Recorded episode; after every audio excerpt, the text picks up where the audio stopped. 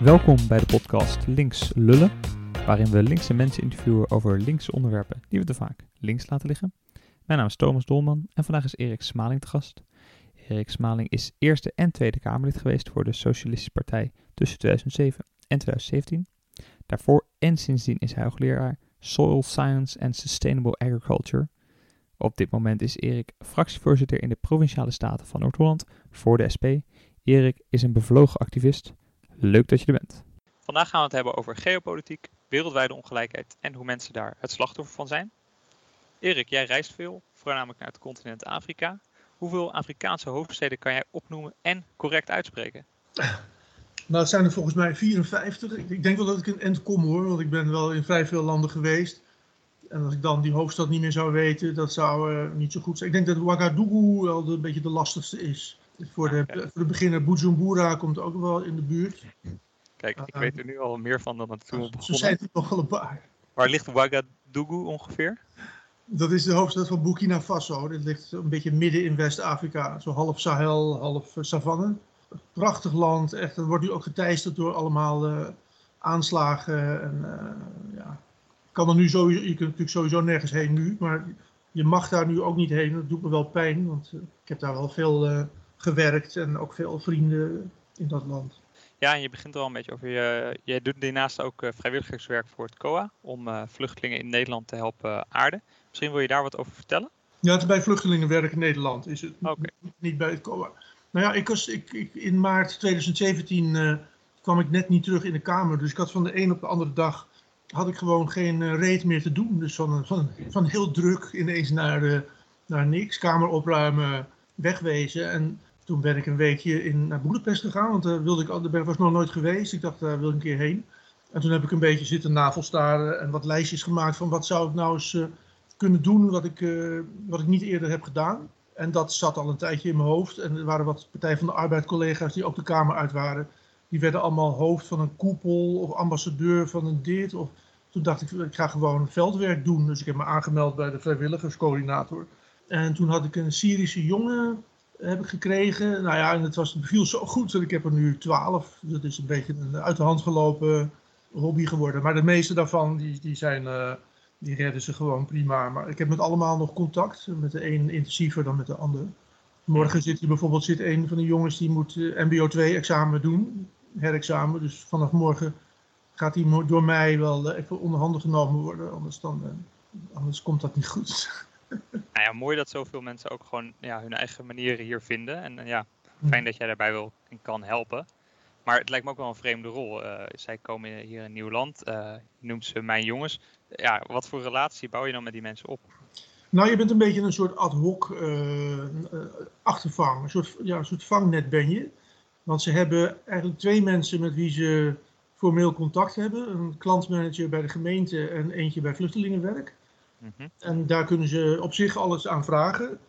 Maar er blijft dan een heleboel wat, uh, waar ze toch wel hulp bij nodig hebben. Het lezen van brieven, die zijn vaak in uh, ja, krankzinnig hoog Nederlands gesteld. Dat je ze zelf ook drie keer moet lezen voordat je snapt wat er staat. Ze lopen tegen een heleboel praktische dingen aan, met, met onderwijs, contact met duo. Snap, vaak snappen ze ook niet wat, hoe een basisbeurs verschilt van een aanvullende beurs. Dan weten ze niet precies waar je recht op hebt. Uh, het is ook een weerwar aan regels en dingen waar je recht op hebt. En die krijg je ook nog eens op in het Nederlands ja, en niet eenvoudig Nederlands over je heen. Ja, dus het zorgsysteem, dat, dat is ook vaak een struikelblok. Nou, ze krijgen zorgtoeslag en ze moeten premie betalen en het eigen risico. Dat is heel moeilijk om dat te snappen. Nou ja, en verder uh, gewoon wegvinden in Nederland. Ik, neem, ik heb de meeste ook wel meegenomen op een tochtje door Nederland. Dan ga ik naar Marken en naar Enkhuizen en dan de dijk over en dan nog wat aan de andere kant dat ze ook een beetje Amsterdam uitkomen. Mm -hmm. En ik probeer ook dat ze wat meer ook, ook Nederlands leren kennen. Dat, dat ze, kijk, ze zijn wel fysiek veilig als ze hier zijn. Maar ze zijn allemaal niet meteen sociaal veilig. Ze vallen erg terug op de eigen groep. Mm -hmm. Want dat is natuurlijk dat is, dat is veiliger. Maar het opbouwen van zelfvertrouwen en het opbouwen van een netwerk. En sterk in de schoenen komen te staan, op tijd komen, een beetje van die Nederlandse waarden ook eigen maken. Dat is eigenlijk het voornaamste wat ik doe. Maar ik ga ook met ze naar Ajax hoor, dus ik doe ook gewoon leuke dingen.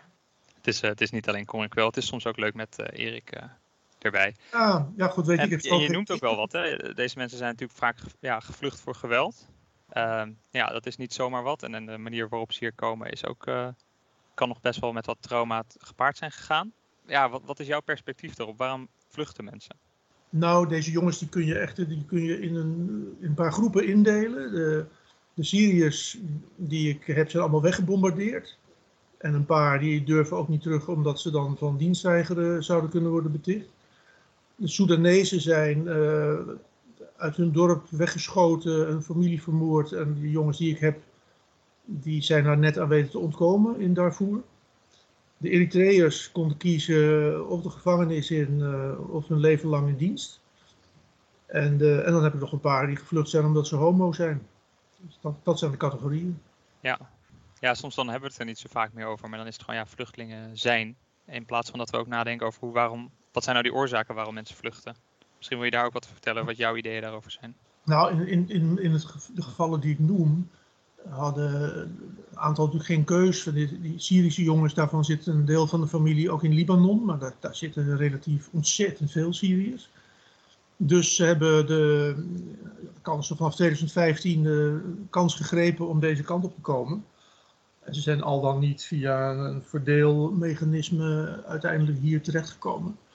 En ze, zijn, ze, pikken allemaal ze willen allemaal hun leven hier opbouwen. Ze zijn allemaal bezig met uit die uitkeringssituatie te komen. De meesten die hebben parttime werk, maar daarmee verdienen ze nog niet meteen meer dan 950 euro. De meesten gaan ook uh, een opleiding doen. De leeftijd zit zo'n beetje tussen de jongste is 20 en de oudste is 33. Dus er zit er wel verschil tussen, maar die, die jongeren die, die zijn nu de meeste uh, met MBO 1 of MBO 2 bezig. Eentje die heeft het HBO nu weten te halen. Die had ook echt wel heel veel vooropleiding. En het kost dan veel moeite om hier binnen te komen, zie ik, maar het is hem toch gelukt. Ja, er, gewoon, vallen gewoon wat jaren weg uit, de, uit het normale leven van, van deze mensen. Want een paar jaar lang hebben ze geen opleiding en, en zijn ze op de vlucht en moeten ze die moeilijke Nederlandse taal leren en zo. Maar ja, zonder uitzondering uh, werken ze gewoon keihard eraan. Ja, en ik denk dat het hele concrete voorbeelden zijn van die grote problematiek waar we het uh, vandaag met elkaar over willen hebben. Um, wat drijft jou daarin? Want nou goed, dit zijn hele concrete voorbeelden, maar het is ook een heel groot uh, verhaal over ja, bommen en oorlog, klimaat en ja, kapitaal. Misschien kan je wat vertellen over waarom jij dat belangrijk vindt om het daar vandaag over te hebben. Nou, ik maak mij, als ik een beetje vooruit kijk, ik ben nu 62, dus uh, je gaat toch een beetje wat meer uh, reflecteren op dingen. En dan denk ik, god 2050, dan, uh, dan ben ik het niet meer. Maar hoe ziet de wereld er dan uit? En dan maak ik me wel grote zorgen, want ik denk 10 miljard mensen op deze aardbol, dat, dat geeft sowieso al problemen met het produceren van voldoende voedsel en het verdelen van voedsel. En daarmee tegelijk ook het verdelen van de, van de, van de rijkdom, van de welvaart. En um, er zijn een aantal belangrijke besluiten nodig, eigenlijk op mondiaal niveau, die ervoor zorgen dat het allemaal in, uh, in goede banen gaat. En, dat, en nu maak ik me daar erg zorgen over. Enerzijds het klimaatprobleem, dat manifesteert zich duidelijk. Dat dat door de mens komt, is ook overduidelijk. Dat is wat mij betreft geen discussie meer. De discussie moet zijn uh, hoe, hoe gaan we daar uh, mee om. Dan die, die coronacrisis, die is ook te koppelen aan het feit dat we met te veel mensen zijn. Want we zitten te dicht op het bos, uh, we zitten te dicht bij allerlei soorten die als reservoir dienen voor, voor virussen. Ik ben net het boek Zoonose aan het lezen. Dat is een boek van 2013, maar dat is echt wonderbaarlijk voorspellend. Als je dan kijkt wat er nu gebeurt. Dus er zijn een aantal zaken die, uh, ja, die, die, die toch beter geordend moeten worden in de, in de maatschappij. Op, op, eigenlijk op een niveau wat boven een landelijk of een Europees niveau ligt. Waar vrede nodig is, waar uh, empathie nodig is, waar goed wordt gekeken naar welk, welk, land, welk werelddeel gaat het echt niet redden in, met, de huidige, het huidige welvaartsniveau en wat er nog aan zit te komen aan bevolkingsgroei. En het, het is niet zo makkelijk om daar even van te zeggen van dan moet je op die of die knop drukken. Maar als we niet elkaar meer tegemoet komen en meer uh, ja, als één wereldgemeenschap de toekomst ingaan, dan zie ik toch allerlei catastrofes gebeuren. En ja, dat, zijn niet alleen oorlogen, ja, dat, zijn, dat kan dus zijn in de vorm van oorlogen, maar ook in de vorm van natuurgeweld. en ecologisch geweld, waarbij de mens zich als uitbraak manifesteert. Hè? Want dat is nu eigenlijk aan het gebeuren en dat, dat wordt dus nog erger richting 10 miljard mensen. Ja, over die 10 miljard mensen, ik vind het interessant dat je het noemt. Ik lees daar ook wel eens wat over. Is dat een realistische schatting? Uh, of hebben we het dan over hetzelfde verhaal dat we het ook een uh, eh, 50 jaar terug over hadden, dat uh, eh, 6 miljard onhaalbaar zou zijn? Ja, je bedoelt dat, dat, dat het toch meer, dat is de oude discussie tussen Malthus en Bozerup. Hij kan, of je met een rekenkundige of een meetkundige reeks de bevolkingsgroei gelijke tred houdt met, met, met wat de planeet aan kan. En doordat we zo slim zijn, hebben we, zijn we toch steeds in geslaagd om landbouwproductie te verhogen, de productiviteit, de productie per hectare of per mhm. andere uh, inputfactor. Maar je ziet nu wel dat alle, kijk, alle grond die geschikt is voor landbouw, die is al in gebruik. Je ziet dat uh, opbrengsten gaan niet meer echt omhoog zoals ze dat in de, in de, in de groene revolutieperiode deden. Dus dat wordt wel meer een ding. En het kappen van meer bos, wat natuurlijk ook permanent aan de orde is. Ik kom wel eens op plekken waar ik 20, 30 jaar geleden heb gewerkt. En dan is het vaak onherkenbaar. Het zijn hele grote mhm. stukken savanne, is gewoon allemaal tarwegebied geworden. Dat je loopt tegen de grenzen aan. En uh, ja, je hebt ook verdampend oppervlak nodig. En dan, dan heb je toch bossen nodig. En de kap daarvan, dat is uh, zorgwekkend. Ja, tegelijkertijd moet ik ook altijd denken aan uh, de hoeveelheid verspilling die in de voedselketen zit. Dus zowel bij de, bij de productiekant geloof ik dat een derde of zo verspild wordt. Um, en je kan het ook nog hebben over inefficiëntie, zoals wanneer je het hebt over vlees. Daar gaat ook veel soja en dergelijke heen, terwijl we dat ook zelf zouden kunnen eten. Um, zie je daar kansen of is dat kleine, kleine druppeltjes op een gloeiende plaat voor jou jou? Ja, zo theoretisch zou het kunnen. Hè. Je, kunt heel, eh, je kunt veel meer plantaardige eiwitten, die kunnen dierlijke eiwitten voor een groot deel vervangen. Het is natuurlijk helemaal niet nodig om elke dag vlees te eten. Maar het punt is dat, kijk, wij kunnen in Europa en Noord-Amerika wel een beetje die omslag maken. Het gebeurt een beetje. Er wordt per hoofd iets minder vlees gegeten dan een tijd geleden. Maar in uh, andere delen van de wereld die nu net in die, in die, in die booming periode zitten, uh, China, maar ook Brazilië met horten en stoten, dat zijn natuurlijk allemaal middeninkomenslanden die, waar mensen ook hun, hun, hun, hun middenklasse bestaan willen vieren met, met vlees en met meer eten. En je ziet in steden ook in ontwikkelingslanden dat obesitas toeneemt. Dus het is echt een, een, een voedingsprobleem in de wereld. Ja, terwijl er tegelijkertijd uh, ja, steeds meer mensen ook met honger uh, natuurlijk gewoon blijven zitten. Dat blijft altijd een fascinerende ja, ongelijkheid van puur het verdelen van, uh, van eten. Maar je noemde ook al ja, de klimaatproblematiek en jij suggereerde heel erg dat er dat, ja, wereldbrede oplossingen nodig zijn. waarom is dat volgens jou nodig? Nou, het, het, gaat wel om dingen die je niet als, als land alleen kan oplossen. Je kunt wel het voortouw nemen door. Um, ja, groot, je hebt eigenlijk grote fondsen nodig om te voorkomen dat er nog heel veel bos gaat worden gekapt. Je kunt met. met nou, kijk, die klimaatconferentie in Parijs, dat was natuurlijk op zich wel een voorbeeld waarbij bijna de hele wereld zich, zich uh, verenigde en, en uitsprak dat er sprake is van een probleem en zich ook ten doel stelde om die temperatuurstijging beneden een bepaald niveau te houden. Maar je ziet ook al, dat wordt dan wel geratificeerd, maar dat, dat leidt toch niet overal tot, tot maatregelen of tot matiging, hè, om maar wat te noemen. Want je kunt wel overal mhm. windmolens neerzetten, maar het, het, de consumptie moet ook gewoon omlaag. Anders dan ga je het ook niet voor elkaar krijgen. Maar, maar is dat mogelijk? Is dat überhaupt mogelijk, consumpties verlagen in een kapitalistisch systeem? Nou, in een vol kapitalistisch systeem niet, want uh, de markt gaat dat niet voor je regelen. Ja, dit zijn dingen die moeten door een, uh, een, overheid worden afgedwongen. En als dat niet gebeurt, dan, uh, dan verandert er niks. En dan gaat het toe naar een, een, een, evenwicht wat, wat geen evenwicht is. Een evenwicht wat, wat voor de aandeelhouders prettig is. En waarbij de arbeid zo goedkoop mogelijk uh, blijft. En dat, dat is die race to the bottom die je nu ook ziet. Je ziet ook de sweatshops van eerst van China naar India verhuizen. Op een gegeven moment verhuizen die weer naar Afrika. En dat is dan misschien weer logisch omdat dat zo'n jong continent is en mensen die snakken daar naar werk. Maar het is natuurlijk geen rechtvaardig systeem. Het is niet gericht op dat iedereen een soort basiskwaliteit van leven heeft. Je zou een soort basiskwaliteit van leven moeten definiëren. En, en mondiaal ernaar streven dat iedereen daar, uh, daarover kan beschikken. En dat gaat dan ten koste van een rijke bovenlaag. En je moet de wereld wel anders inrichten, want minder consumeren betekent natuurlijk ook dat er minder geld rolt. Maar je hoeft, kijk, niet alles hoeft, niet alle inkomen hoeft omgezet te worden in een verspillend product. Je kunt ook uh, diensten kopen of, uh, of, of, duurzame producten. Er zijn allerlei manieren om een economie draaiende te houden op, op duurzame producten en diensten. Maar dat zijn er nog ver van. Dan moet je inderdaad heel anders uh, over je cijfers ook nadenken. Want als ik elk jaar een tafel koop, dan is dat economische groei. En als ik één keer een tafel koop, dan is dat misschien duurzaam. Maar ja, dan is dat geen economische groei. Dus we moeten echt op een hele andere manier naar de wereld gaan kijken. Ja. ja. Um, het zijn nogal vragen, Erik. Ja, ik weet het. Er zijn een heleboel simpele vragen. Die begonnen over die vluchtelingen. Kijk, die kan ik gewoon uh, een, een, een zetje geven. Mm -hmm. En uh, de linkerkant de rechterkant opsturen. En, dan, en ik zie ze gewoon ook sterker worden hier en meer zelfvertrouwen krijgen. Dus dat, het leuke daarvan is dat het zo concreet is. En dat je er ook resultaat van ziet. Maar het zijn natuurlijk maar een paar uh, mensen die hier zijn komen wonen. Kijk, je kunt met wat, wat er op ons afkomt, je kunt wachten tot, uh, tot er catastrofes plaatsvinden. En die dan weer steeds gaan uh, repareren. Hè. Nu is grote sprinkhanenplaag.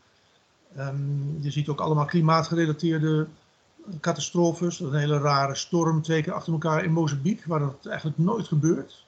Ja, dan ga je weer opruimen. Hè. Dan ga je Beira weer schoonvegen. En dan, ga, dan, komt er weer geld om die haven weer te repareren. En dat is lang vol te houden. En, uh, maar ja, als het op een gegeven moment de frequentie van dat soort zaken eh, uit de hand gaat lopen. En zelfs nu hier met die droge maanden, weet je, het is wel lekker weer, ik vind het heerlijk.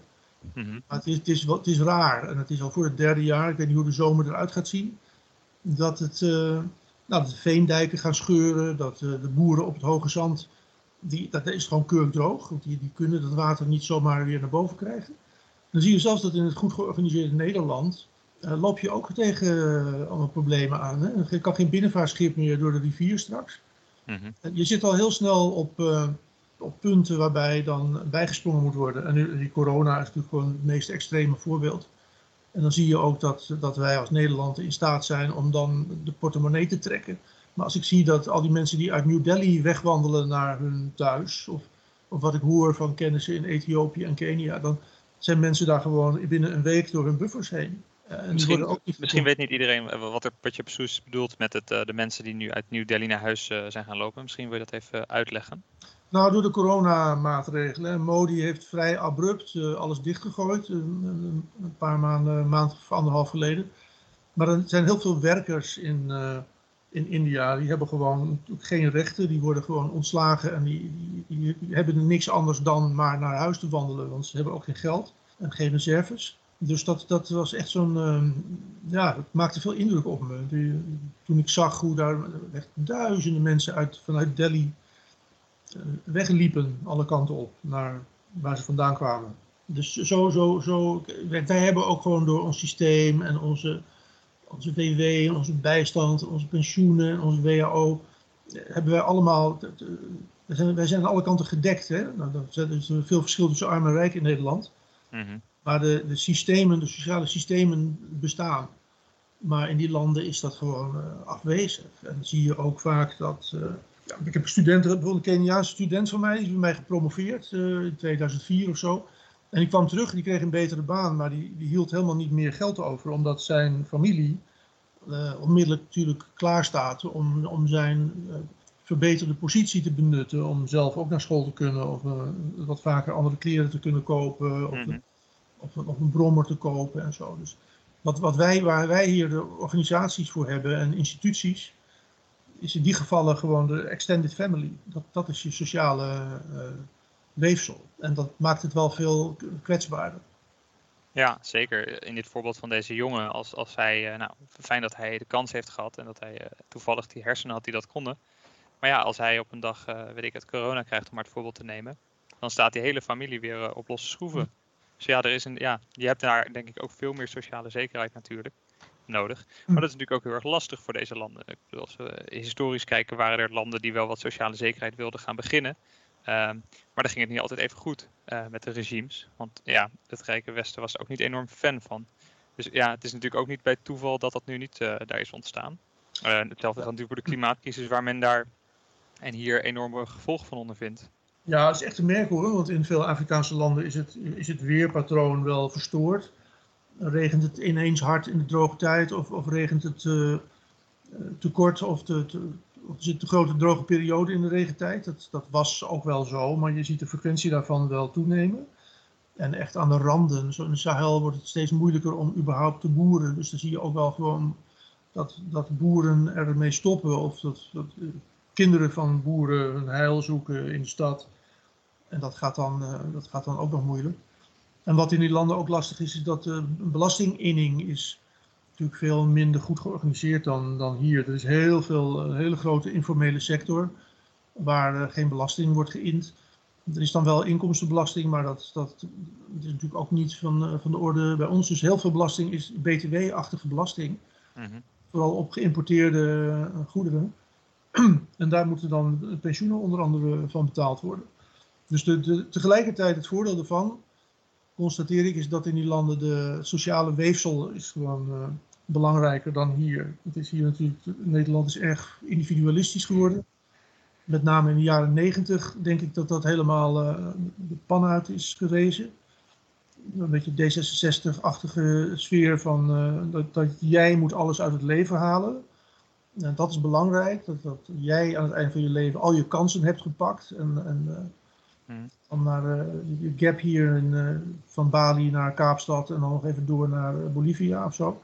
Maar het, maar het, het samenleven en het, het, geven om de ander en, en echt een society zijn en niet alleen een individu, dat zie je in Afrika nog wel heel erg, omdat mensen veel afhankelijker van elkaar zijn.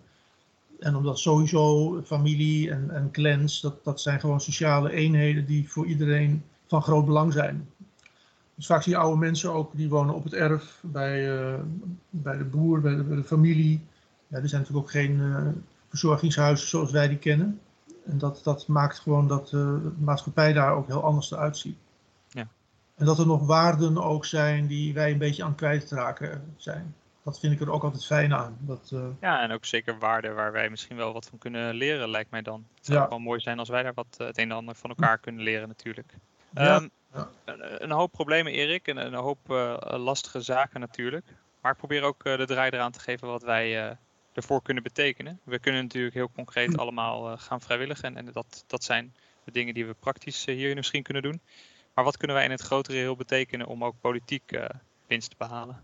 Nou, ik, ik, ik, ben van mening dat we echt een groot internationaal verhaal nodig hebben.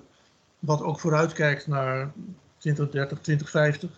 En dan probeert een schets te maken van hoe, hoe kan de wereld er dan uitzien. Dan kun je dus een een, een gunstig uh, socialistisch scenario schetsen, maar ook een, een kapitalistisch scenario. En dan kijk je hoeveel mensen er dan zouden zijn, afgaande op de prognoses van dit moment. En dan uh, zou je kijken van hoe kom ik bij dat goede scenario uit? Wat, wat verhindert dat dat goede scenario uh, het werkelijke scenario wordt? En, dan kun je en, en doe eens een voorzet. Wat verhindert het dat het goede scenario het werkelijke scenario wordt op dit moment? nou, een, oneerlijk uh, dominant kapitalistisch systeem, wat, wat ongelijkheid in de hand werkt. Dus je moet alles op alles zetten om de ongelijkheid uh, in te dammen. En ervoor te zorgen dat, dat die basiskwaliteit van leven, dat je die definieert. Wat is dat? Dat kun je in, uh, dat kun je in geld uitdrukken, maar ook in een aantal, aantal indicatoren die meer met sociaal welzijn te maken hebben. En dan zou je moeten kijken wat zijn mechanismen waarbij je dat dichterbij kan brengen. En daar moet je op in gaan zetten. Zit dat in, uh, ja, zit dat, zit het in het politieke systeem van landen? Is dat, is dat politieke systeem ook te beïnvloeden uh, ja, van binnenuit uiteraard? Wij als partijen kunnen dat hier doen en onze zusterpartijen doen dat ook in een aantal andere landen. Dus daar moet je denk ik een, een aansprekend verhaal over gaan, uh, gaan maken. Maar daarbij moet je dus ook vanuit, dat, vanuit die wereld Ehm, top van de, van, van de piramide op, op globaal niveau moet je wel afdalen ook naar uh, Europa, je eigen land en je eigen buurt. En, die buurt is natuurlijk ons sterke punt. Dus we zullen heel erg vanuit de buurten ook moeten werken aan uh, ja, wat, hoe kan je nou een, een verdeling in de wereld verbeteren? Wat voor veranderingen in systemen zijn daarvoor nodig? En je kunt natuurlijk moeilijk, als, als tegen, tegen tegen Polen of tegen Trump of tegen Bolsonaro gaan zeggen van je, moet dit of je moet dat. Maar ik, ik, denk dat je met een verhaal wat duidelijk aangeeft hoe je bij een, een, een, hoe het sociale scenario richting 2050 eruit ziet. dat je daarop moet gaan inzetten. En dan moet je ook wel ja, goed kijken naar hoe een continent als Afrika zich bijvoorbeeld ontwikkelt. Want alle jongeren die zitten nu daar. Als je naar een demografische kaart kijkt, dan is Afrika met afstand het jongste continent. Ja. En dan kom je vanzelf ook op, uh, op migratievraagstukken uit. Want die 10 miljard mensen die je gaat krijgen, die gaan niet allemaal blijven zitten waar ze nu eh, geboren worden. Nee, zeker niet als je daar niet, als je, boer, als je vader boer was en jij daar uh, misschien wil leven, maar het land uh, onleefzaam is. Ja, natuurlijk blijf je dan niet zitten. En wat kunnen wij daar dan in betekenen? Nou, je moet zorgen dat, dat uh, die, de mensen die daar nu eigenlijk aan het werk moeten uh, in Afrika, dat die de komende 20, 30 jaar ook diensten kunnen leveren en producten kunnen maken die, die wij nodig hebben, of die ze daar ook kunnen kopen. Dus je moet daar iets doen aan de, aan de koopkracht, zodat mensen ook zoveel mogelijk daar in hun bestaan kunnen voorzien. En ik denk dat wij ook meer moeten inzetten op producten die we en diensten die, die zij voor ons kunnen gaan maken en leveren. Maar dan moet ik een beetje denken aan, het, aan bijvoorbeeld het voorbeeld van de, de cacaoboer in uh, het Amazonegebied in Brazilië, dat uh, bijvoorbeeld cacao of koffie uh, teelt en dat moet verkopen, maar zelf als hij, weet ik het, soja zou verbouwen daar, er niet van zou kunnen leven. Dus dan worden mensen daar gedwongen om iets te produceren wat voor export heel waardevol is, maar ze kunnen zelf niet van hun eigen land leveren. speel je dat niet een beetje in de hand met zo'n idee? Nou, nee, wat ik, wat ik eigenlijk op, op bedoel is dat wat je heel vaak ziet, het is nu wel iets minder dan uh, in het verleden. Maar uh, tot, tot een tijdje terug kon, konden die landen ook hun producten alleen maar ruw exporteren. Mm Cacaobonen en balen katoen werden uit Mali uh, geëxporteerd. Maar geen blouses en geen shirtjes en geen theedoeken en geen weet ik wat. Want daar werd dan een, een belasting opgeheven. En daardoor een groot deel van de toegevoegde waarde in producten die wordt hier verdiend.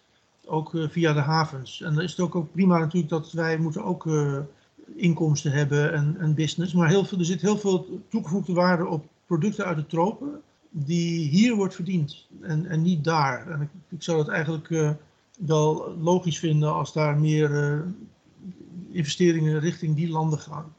En dan kun je nog steeds die producten afnemen. En dat wil wel zeggen dat je een deel van die toegevoegde waarde verhuist naar Afrika. Maar het zijn wel de landen waarin die producten worden verbouwd. En als je wil dat daar meer, uh, dat dat nationaal product in die landen omhoog gaat, dan zul je wel in dat soort dingen moeten gaan investeren. En nu zie je dat dat, uh, ja, dat, dat, dat, dat nog te weinig gebeurt. De ontwikkelingssamenwerking heeft wel geholpen, maar onvoldoende vooralsnog om daar echt een uh, nog grote verbetering te zien. Ja, en de ontwikkelingssamenwerking is natuurlijk ook maar een kleine economische stroom als je het vergelijkt met het geld dat uh, mensen die ergens anders in de wereld werken terugsturen naar uh, hun familie en hun uh, clan bijvoorbeeld. biedt dat ook kansen? Ja, dat terugsturen dat is ook dat is een heel belangrijk deel van het, van het inkomen van een land hoor. Ik geloof dat in Senegal bijvoorbeeld dat wel 15% van het BNP zijn remittances, zoals ze dat dan noemen. Dus er is daar ook helemaal geen actief beleid om mensen in het land te houden. Nou, er is ook gewoon een bureau de migration. En daar kunnen mensen zich melden en die kunnen dan via die stad in Niger naar boven richting uh, Libië. Dat is nu allemaal wel wat uh, teruggeschroefd. Minister Blok was niet voor niks in Niger een tijdje geleden, waar hij natuurlijk anders nooit iets te zoeken zou hebben gehad. Maar het is een belangrijke bron van inkomsten en, en ook al werken Afrikanen dan vaak in, in kleine baantjes in, uh, in Europa. Het verdient toch altijd beter dan wanneer ze thuis waren gebleven. En vaak laten ze dan toch op een gegeven moment een huis bouwen in hun oude dorp. En dan het signaal wat dat uitstraalt naar de, het dorp en de broertjes en de zusjes van ja, je, je, in Europa, daar moet je wezen. Nou ja, in Europa is natuurlijk ook heel veel welvaart. En uh, ja, zoals we ook nu weer zien in de vleesindustrie, uh, worden vaak uh, banen die eigenlijk extreem oneerbiedig en onrechtvaardig zijn uh, toegeschoven aan mensen met minder rechten en minder kansen. Ja, terwijl we deze mensen natuurlijk ook net zo goed een eerlijk loon zouden kunnen geven en dan zouden zij uh, in hun land nog meer kunnen opbouwen volgens mij. Zijn dat kansen? Zie je kansen in juist meer migratie? Nou, je gaat die migratie, kijk, economische migratie, er wordt vaak van gezegd van, uh, dat dat slecht is. Maar iedereen, iedereen zoekt geluk, hè? ook het geluk zoeken. Je hebt gewoon recht op geluk. Dus als jij geluk zoekt, dat, jij en ik zijn ook gelukzoekers zeker. En als mensen economisch migreren omdat ze denken dat ze elders beter kunnen verdienen, dat is een volstrekt legitieme manier van denken. Alleen is het natuurlijk, het is moeilijk om dat allemaal te, in goede banen te leiden nu. Je ziet dat, dat een deel van de bevolking die, die vindt dat eng. En dat, of het heeft te maken met concurrentie om banen of concurrentie om, om sociale huurwoningen, angst voor andere religies. En dat is ook allemaal wel, dat is ook legitiem. Dus daar moet je ook, een, daar moet je, ook je verhaal bij hebben. Want je moet mensen niet, uh, oh mensen die PVV stemmen omdat ze het allemaal eng vinden, die kun je wel uh, maar het, is beter om met ze in gesprek te gaan. En ze te proberen om, ze, om, ze, om die angst weg te, te nemen. Want dat, dat is toch de manier waarop je op een gegeven moment uh, zal moeten gaan samenleven. Je kunt, het is onmogelijk om, om iedereen terug te duwen naar Afrika of naar naar landen waar, waar oorlog is. Dus dat, maar dat is een heel moeilijk probleem. Maar ik, vind dat je onder ogen moet zien dat die migratie nog echt niet afgelopen is. Hè. Iedereen heeft van nou, die stroom van 2015, dat komt niet meer. Dat komt wel. Dat komt wel. En dan kun je met, met Frontex en bootjes over de Middellandse Zee en uh, opvangcentra buiten de EU, dat is, dat is allemaal uh, relevant om het daarover te hebben. Maar denk niet dat, uh, dat we van die stromen af zijn. Want er is gewoon te weinig werk daar. Er is ehm, te weinig kapitaal. En de, de basis voor dat continent om, om echt op eigen benen te staan, die is er nog niet. Wel in, uh, in segmenten. Hè. Het is echt niet zo dat die landen allemaal nog net zo arm zijn als uh, 30, 40 jaar geleden. En er zijn verbeteringen. En als ik, was in Nairobi uh, een paar maanden geleden, in buurten waar ik ook al 20, eh, 30 jaar niet meer geweest was. En ja, dat is, is booming en uh, business en, en gebeurt een hoop. Dus het staat niet stil en een hoop hulp heeft ook echt geholpen. Maar ja, de groei van de, van, van de bevolking is gewoon steeds een, uh, een, een, minpost op je, op je demografische afrekening. Hè? Als, je, als je hulp, hulp leidt gemiddeld tot ongeveer 1% groei, dat, dat is uitgezocht. Maar uh, dat is dus je netto groei. Hè? Maar daar zit dus de bevolkingsgroei, moet je weer van je, van je to totale groei aftrekken om op je netto groei uit te komen. En dat is nog steeds een beetje een, eh, een probleem, zoals zolang landen uh, van die vruchtbaarheidsgetallen van 4 à 5 kinderen per vrouw hebben. Kijk, het zakt wel, maar het zakt niet snel genoeg. En daarom ga je ook richting die 10 miljard. we hebben het over hele grote onderwerpen gehad, die denk ik wel de hele wereld raken. Echte uitdagingen. En je geeft ook wel aan dat we daar wat in kunnen betekenen door met elkaar gewoon anders na te denken over ja, waar creëer je waarde in de wereld. En van wie is dat precies? En ja, geluk zoeken doen we toch allemaal. Dus is dat niet redelijk dat we dat ook blijven doen? Nou, dat is natuurlijk een discussie die we de komende 30 jaar nog blijven voeren. Maar ook, je had het ook vaak over klimaat en de klimaatproblematiek. Nou, heerst in Nederland soms wel eens het idee dat we daar nu juist heel erg de goede kant op gaan en dat we er wel over kunnen ophouden. Deel je die mening dat het uh, nu wel goed gaat komen nu we een klimaatwet hebben? Nee, nee hoor, het gaat niet zomaar goed komen. Want, uh, het Shit Erik, ik dacht dat we eindelijk iets hadden wat goed ging komen. Nee, Nee, dat, is, dat gaat niet echt zomaar. Dat gaat, het is ook niet zo eenvoudig om zomaar allemaal maatregelen te benoemen waarmee het wel goed gaat hoor. Laat ik daar duidelijk over zijn. Ik heb ook gestreden in de Tweede Kamer tegen grote windparken in Drenthe en Groningen, omdat dat de mensen op een verschrikkelijke manier door de strot werd geduwd. En dat dan ook weer iets is waar een paar boeren helemaal op binnenlopen. Maar mensen die in die in veenkoloniale dorpen wonen, die krijgen voor en achter gewoon 250 meter tiphoogte windmolens voor hun neus. En dat, ik vind dat niet de manier om dan met z'n allen dat probleem aan te pakken. Hè? Dus de participatiegraad is, uh, is bedroevend laag. We hebben ook met die biomassa-centrales zijn we toch dus een beetje voortschrijdend inzicht. Want een paar jaar geleden was het allemaal van oh, de biomassa. Maar ja, daar moet je nu ook van, van het onderscheid maken tussen het kappen van bos op grote schaal om, om kolencentrales te gaan uh, greenwashen, zoals in, in Geertruidenberg bijvoorbeeld.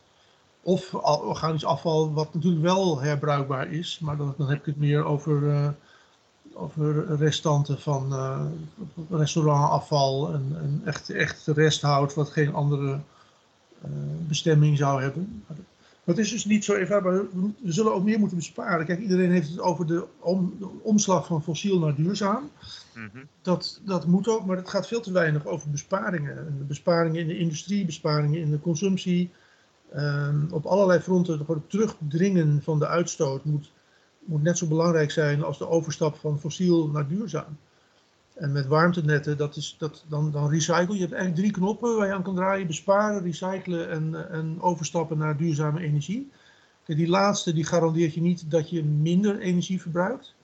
Die middelste kan je tot, een, tot wat ze dan een lock-in noemen uh, veroordelen. Dat je op een warmtenet van een afvalcentrale uh, wijken gaat uh, verwarmen. Of in Tilburg en Breda heb je wijken die zijn van de Amercentrale afhankelijk.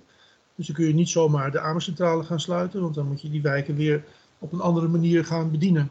Dus dat is daar een beetje een keerzijde van. Maar goed, je kunt met allerlei netwerken in industrieparken, kun je, kun, je, kun je gewoon heel erg warmte doorgeven, waardoor je veel zuiniger kan zijn.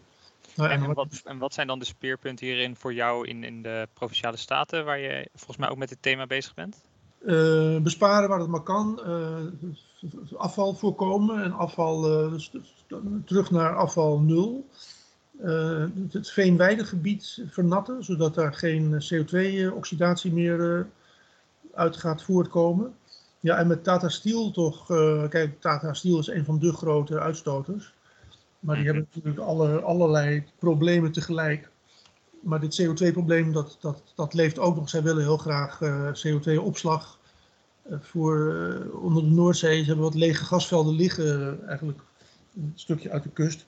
Mm -hmm. Maar ja, dat is natuurlijk ook de vraag of dat wel, een, of dat wel de oplossing is. Hè. Het, is. het is kostbaar in de eerste plaats. En ja, je gaat eigenlijk een vervuiling opslaan, terwijl je die vervuiling eigenlijk niet zou willen hebben. Dus het is ook een beetje ja, een end-of-pipe uh, oplossing. Die, die ja, aan het einde gaan we het even opvangen, maar we gaan uh, niet zo heel veel veranderen aan de rest van wat we eigenlijk ja, doen. Ja. Maar zij zien het als een tijdelijke oplossing, omdat ze dus willen overstappen naar uh, volledig gerecycled staal. Dus dat je je kooksfabrieken ook eigenlijk niet meer nodig hebt, maar dat je op, op, op bestaand staal weer nieuw staal kan maken. En ze hebben wel een, een, faciliteit die daar een beetje mee bezig is. Maar die hebben ze nu ook gesloten omdat ze zowel aan de milieukant als aan de werkgelegenheidskant allemaal problemen hebben. Maar ik, ik ben wel met ze in gesprek daarover. Ik wil wel, uh, als je ergens moet wezen, is het wel, wel bij hun als het gaat over het verlagen van uitstoot. Daar zijn de besparingen te halen. Erik, wij zijn alweer een tijdje aan het praten en ik heb in ieder geval geleerd dat er uh, geen makkelijke oplossingen zijn. Dus uh, dat kunnen we allemaal meenemen naar huis toe. Maar dat er wel grote problemen zijn. Grote problemen waar we tegen in actie moeten komen. Wat je ook zei, ook in de buurten. We moeten ook ons oog houden op die wereldwijde problematiek. Het is niet alleen bij ons in de achtertuin. Het is uh, wereldwijd dat er ongelijkheid toeneemt. Uh, heb jij nog mooie laatste woorden die je mee wil geven aan onze luisteraars? Ja, probeer vaak in de schoenen van anderen te gaan staan. Dat is dan niet alleen je, buurman of, uh, of, mensen verderop in de wijk. Maar probeer van, door, de, door de door de bril van, van andere mensen, andere groepen in de wereld te kijken. En daarbij een, een, een beeld voor jezelf te ontwikkelen hoe de wereld er in 20, 2050 nog eh, fijner en eerlijker en duurzaam kan uitzien. Nou, vind ik mooie laatste woorden. Erik, jou heel erg bedankt. Uh, luisteraars, heel erg bedankt voor het luisteren. Dit was Links Lullen. Jij hebt geluisterd, wij hebben geluld. Like, subscribe en meer van dat soort onzin. Tot de volgende keer. Houdoe en bedankt.